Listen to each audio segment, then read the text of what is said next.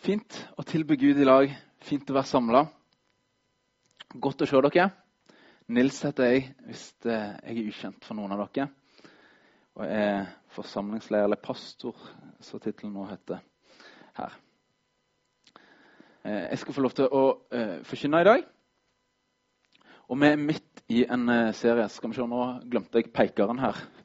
Den her, så du kan Med bare et enkelt tastetrykk sende neste bilde opp på skjermen. Skal vi se Fint. Vi er inne i en preikeserie med hovedoverskrift 'Gud som far'. Vi snakker om hvordan Gud er som far i møte med oss. Og så snakker vi òg om ting som er med å hindre oss fra å relatere til Han som far, og fra å ta imot det Han vil gi til hver en av oss. Gud er ikke en Gud som er langt vekke fra oss. Nei, han er en Gud som er nær. Han ønsker relasjon til oss. Han ønsker å være til stede i livene våre. Hvem søker ikke eller lengter ikke etter å føle seg verdifull? Opplever seg verdifull, at den betyr noe. At den har sin plass. Hvem trenger ikke å være trygg og kjenne at jo, jeg er trygg. Jeg er trygg i den jeg er. Hvem trenger ikke oppleve at jeg er motivert, jeg har energi til det jeg skal få være med, og det jeg skal få gjøre, og det jeg skal få være i denne verden? Og hvem trenger ikke oppleve for å få respekt eller det å være æra, det å få merke at jeg får være noe, jeg får bidra med noe, jeg får gjøre noe som er viktig. Det er ikke uten poeng den jeg er, og det jeg gjør. Jeg tror vi alle trenger det, om vi kaller oss kristne eller ikke. Så tror jeg vi trenger disse gavene. Og jeg tror vi søker det. Det vi har snakka om tidligere, er at Gud gir oss fire gaver, eller strømmer som han gir oss. Så det er tydelig å se Jesus sitt liv, og så òg ting han ønsker å gi inn i våre liv. Han ønsker og taler identitet inn i livet vårt. Og Når han snakker sin identitet inn i livene våre, det som skjer, er at vi kjenner oss verdifulle. For vi skjønner hvem vi er. Han elsker oss. Han ønsker å formidle til oss at han elsker oss, at vi elsker han. Det som, gjør, det som skjer med deg når du får motta kjærlighet over tid, er at du blir trygg. Jeg ser det i det lille barnet som mottar foreldrenes kjærlighet. Og det er det samme for oss, selv om vi er voksne selv om vi til og med er gamle. Vi trenger den kjærligheten som en strøm inn i livene våre, som gjør oss trygge. Guds glede over livet våre, at han ser deg, at han er fornøyd med deg, de valgene du tar, de små tingene du gjør. Han gir det. Det er ikke uoppnåelig å oppnå hans glede. hans gunst. Nei, han er, han er fornøyd med deg. Selv de minste tingene som du gjør, Gud, dette har lyst til å gjøre for deg, så blir han så fornøyd. Det er ikke sånn at hvis du gjør valg som eh, Jeg er jo pappa. Eh, mine barn kan gjøre valg så jeg tenker det var ikke så bra. Jeg vil alltid elske dem, for det har jeg bestemt meg for. Og til og med jeg som jeg tror jeg kan være en OK far, snakker Gud om som sjøl dere som dere som er onde, vet gir barna deres gode gaver. Hvor mye mer skal ikke jeg gi gode gaver til den som spør meg? Altså, Gud er så ekstremt mye bedre. Han er, han er, så fornøyd på selv de små tingene. Vi kan få leve, vi kan motiveres, vi kan drives ut av hans glede over livene våre. Og Det er så mye bedre enn menneskelig anerkjennelse eller hva annet som driver oss. Og det siste han har en plass for oss. Så er med og kan gi deg respekt, eller kan gi deg ære, eller kan gjøre at du forstår at den jeg er, og det jeg gjør, det betyr noe. Han har det for hver av oss. Om du står på denne scenen, om det er den og denne jobben, eller det er det studiet, eller står i den relasjonen. Han har en plass for deg som er viktig, og som betyr noe. Han er en pappa som på sett og vis har en familiebedrift der det er plass til oss alle. Han har oppgaver som vi er designa til som passer oss. Han gir disse tingene inn i livene våre. Og det, er ikke sånn at han gir det av og til, og hvis du glapp det, så er det ferdig. Nei, det er konstant strøm. Disse tingene er ting som Gud gir, og som han ønsker å gi inn i livet vårt. Så gjør at vi kan kjenne oss verdifulle, trygge, være motivert og oppleve respekt eller ære, eller hva du skal si. Det som skjer allikevel, er at veldig ofte så søker vi andre ting. Og I dag skal vi snakke om avguder som forfører. For greiene er at Det kan fort være at ja, Gud, jeg ønsker å ta imot de tingene du vil gi. Men av en eller annen grunn, selv om jeg sier ja, jeg vil ta imot, så stopper det. Og Sist gang så snakka man om hvordan løgn kan være med å hindre en at en tror på løgnene. Så selv når en hører sannheten fortalt fra en venn eller fra Bibelen, eller hva som er, så bare preller det av. Fordi løgna sitter så dypt. Vi trenger å omvende oss. Vi trenger å gi det til Gud gjennom å tro det han sier. Og I dag så skal vi snakke om avguder og hvordan de forfører oss. Um, det er kanskje en litt sånn avguder med 2020, liksom. Hva det er her for noe? Og kanskje du har gjort et dyp, dypdykk i Bibelen på eh, konseptet avguder, eller kanskje du er litt blankere. Men hvis vi går litt tilbake, så står det i andre Mosebok eh, 20, vers 3, det er begynnelsen på de ti bud. Så er det første du skal ikke ha andre guder enn meg. Når Gud skal på en måte gi israelsfolket sånn må dere leve hvis dere skal leve i relasjon med meg, så er det første han sier det viktigste. Du skal ikke ha andre guder enn meg. Det komiske er jo at mens Moses, som får loven fra Gud oppe på Sinafjellet, mens han er der oppe og får den loven, så er folket nede blitt utålmodig og pressa han som den midlertidige lederen Aron da, til å ta imot, samle inn gull og lage en gullkalv som du vil tilbe mens Gud er der oppe på fjellet. Allerede mens han holder på å få loven, så er de i gang med å tilbe en avgud som de kanskje er litt mer synlig, litt mer kontroll på. Og Historien sier jo Moses kommer ned og ser det her og smeller tavlen i bakken og blir helt frustrert på det og må opp igjen til Gud. For, for nye, som han må skrive sjøl.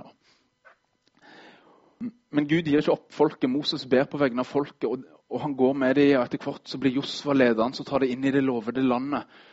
Og, og, skal komme inn der, og der skal de holde loven. De skal dyrke Gud, og de skal ikke blande seg med de, folkene rundt sine guder. Men når du ser på ny og på ny, så kommer en litt sånn En gud inn der, også. tar vi en gud inn der, også?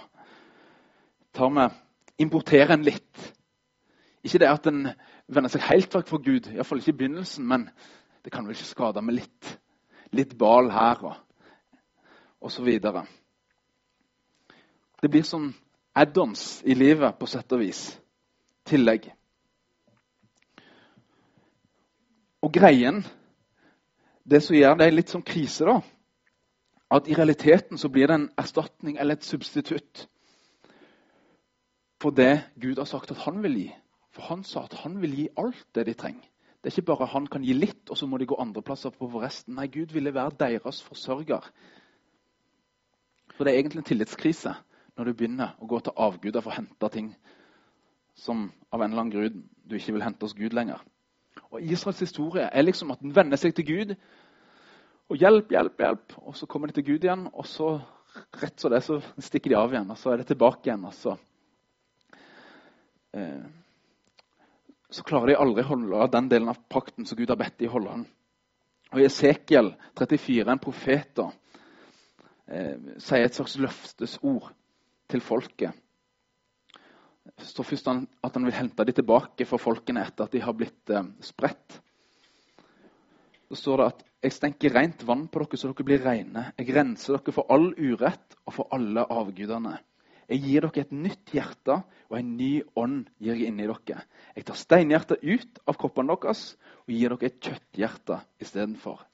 Jeg gir min ånd til dere og gjør at dere følger forskriftene mine, holder lovene mine og leve etter dem. Han gir ikke bare noen nye bud, nei, han gir en hjertetransformasjon. Og Det er akkurat det som skjer når Jesus kommer. Han lever det livet vi aldri kunne leve, i tillit, i lydighet til Gud. Og så dør han for oss, for alt det vi ikke fikser. Og så gir han oss sitt liv. Så står han opp igjen, så sender han ånden som hver som tror på han får, som gjør at allerede nå kan vi få et nytt hjerte. Og det blir fornya dag for dag. Men det, det er i ferd med å skje. Vi merker det i oss. Men hva betyr det her med avguder for oss her og nå?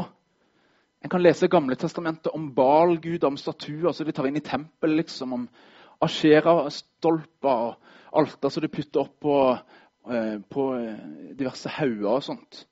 Men jeg har ikke sett så mange asjera-stolper her i Sogndal. Jeg, vet ikke, jeg, har ikke vært på så mange toppturer heller, Tom, så det kan være at Nei, vi har bytta ut Ashera med disse her uh, tur-T-ene på toppen. Postkassene på toppen. Men hva har det med oss å gjøre? Avgudsdyrkelse for oss ser kanskje annerledes ut, men essensen av det handler om at det er ting som tar Guds plass. I Romerne, når Paulus snakker litt om hva folket gjorde i opprør mot Gud, i kapittel 1, så sier han at de bytta ut Guds sannhet med løgn og tilba det dyrka nei, tilba å dyrke det skapte istedenfor skaperen. Gud har skapt alle gode ting. Og istedenfor å gå til Han som er kilden for alt godt, så begynte de å nøye seg med alle de gode tingene han ga, og sa seg fornøyd med det. I en salme så sier David, Israelskongen som skrev masse salmer Ransak meg, Gud, og kjenn mitt hjerte. Prøv meg å kjenne mine tanker. Se om jeg følger avgudas vei og led meg inn på evighetens vei. Salme 139, vers 23 og 24. Altså, Han ba Gud om å sjekke hjertet hans, tankene hans, det indre livet. For så om han fulgte avguder. Det betyr at han hadde ikke full kontroll på det.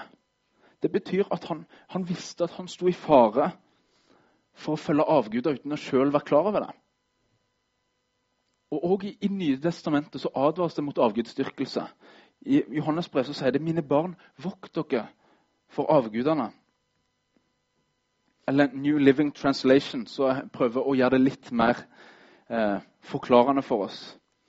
Dear children, keep away from anything that might take God's place in your hearts. Det kan være så mye som tar Guds plass i hjertene. Det kan være folk, det kan være ting, det kan være interesse, opplevelser, egoet, det vi sjøl vil ha. Greiene er at det er forfører som lover mye, men til slutt gir lite. Det er substitutt som tar plassen til det originale. Og det er gode goder, ofte gode ting, som er blitt til guder. Jeg har en venn som vokste opp i en kristen heim og har regna seg som kristen hele tida. Um, men etter hvert som sikkert mange av oss, eh, så ble han ganske opptatt av eh, eh jenter. Og eh, relasjoner der. Og ble eh, etter hvert i eh, Som ja, ung voksen i lag med ei jente. Og det er helt fint å bli i lag med noen. Um, men greiene for hans del var at han begynte etter hvert å legge for mye i det.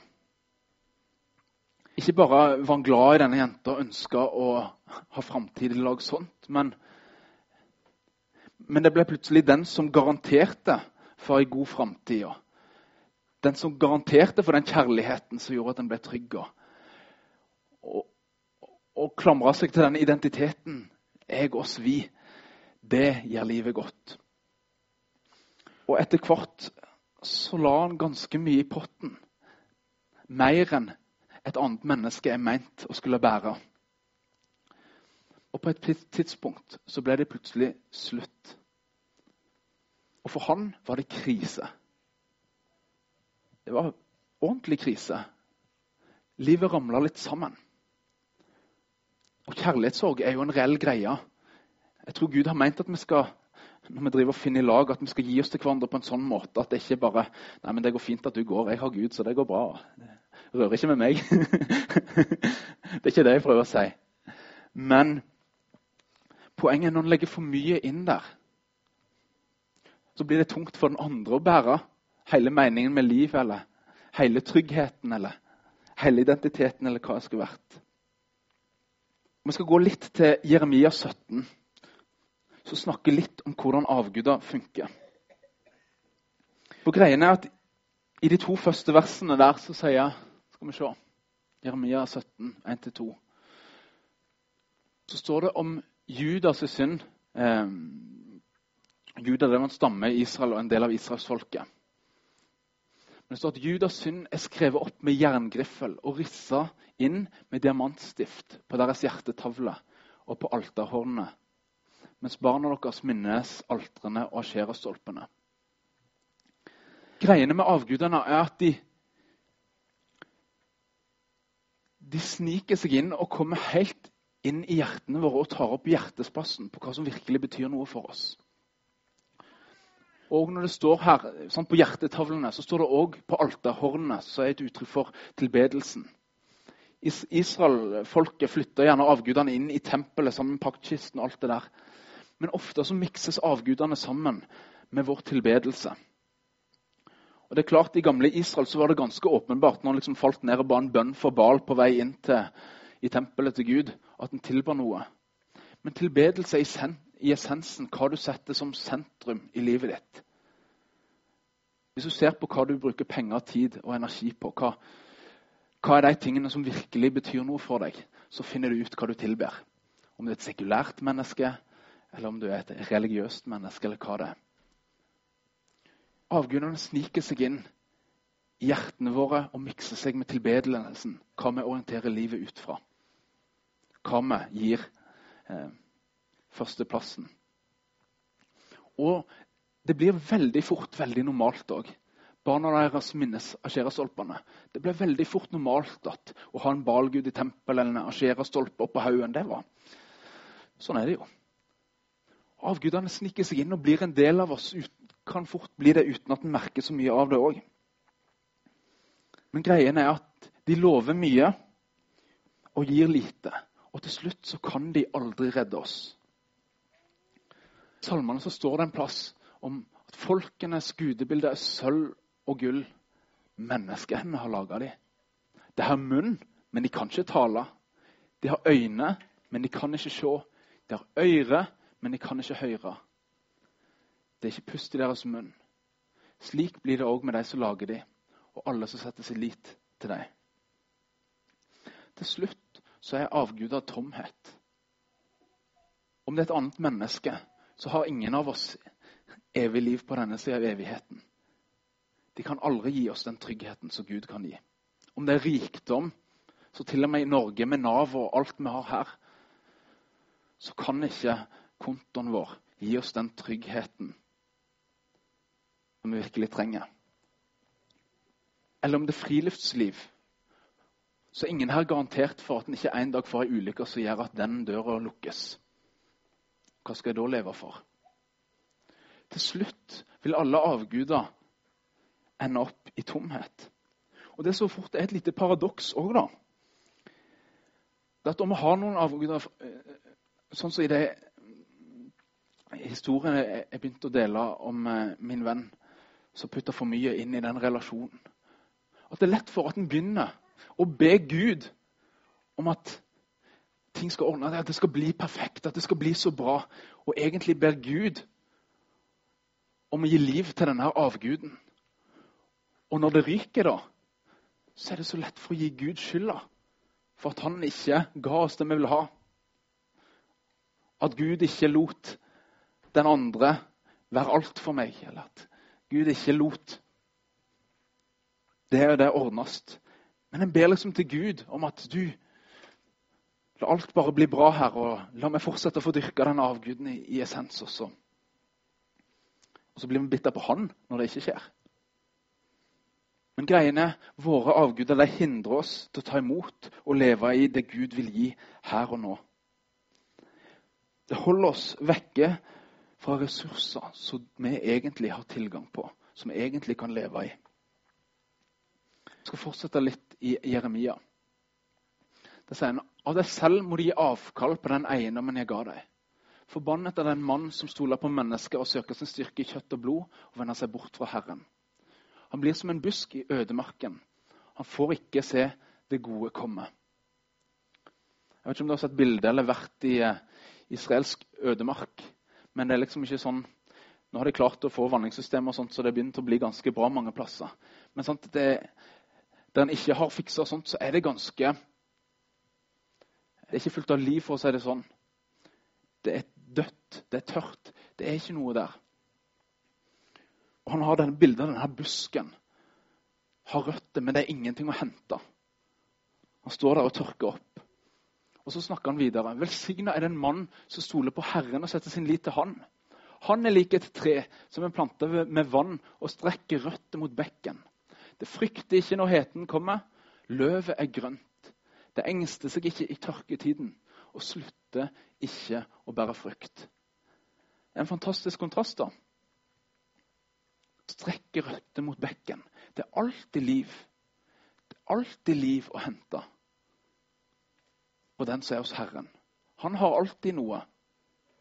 I gode og vonde perioder. Og det slutter ikke å bære frukt.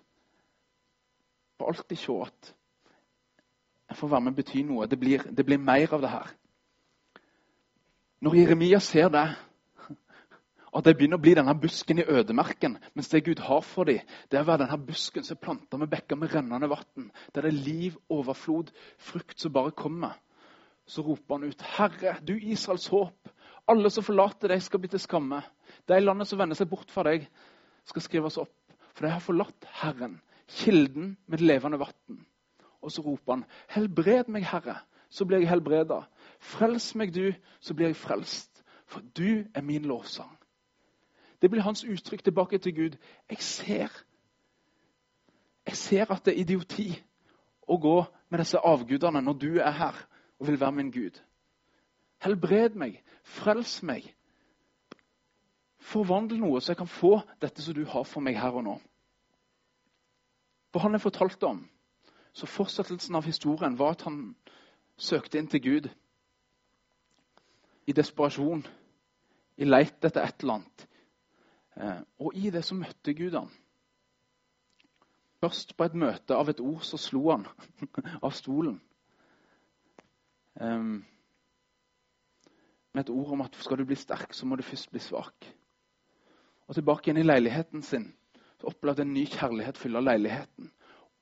Og Etter hvert var det mange ting som han opplevde Gud pekte pekefinger på, så han måtte omvende seg, gi til Gud, gi tilbake.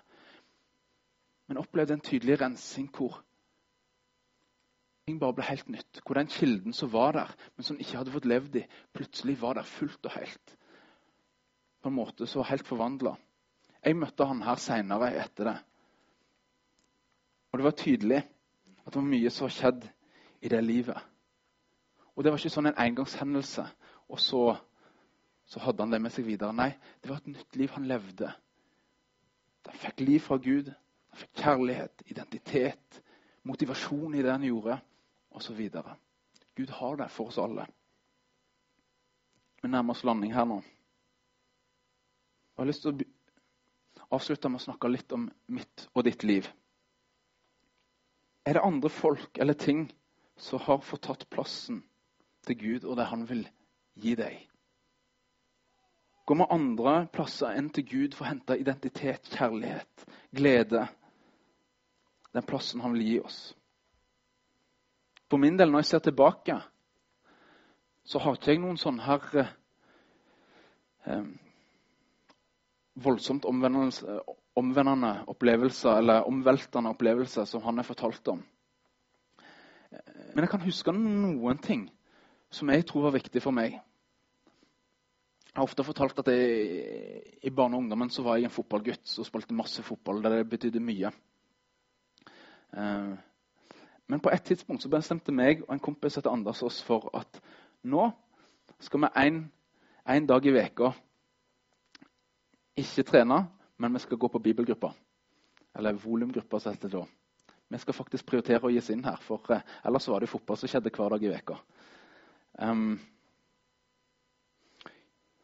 I den perioden så ble det jo også tydelig for meg at jeg ikke skulle satse all in på å bli stjerne på United.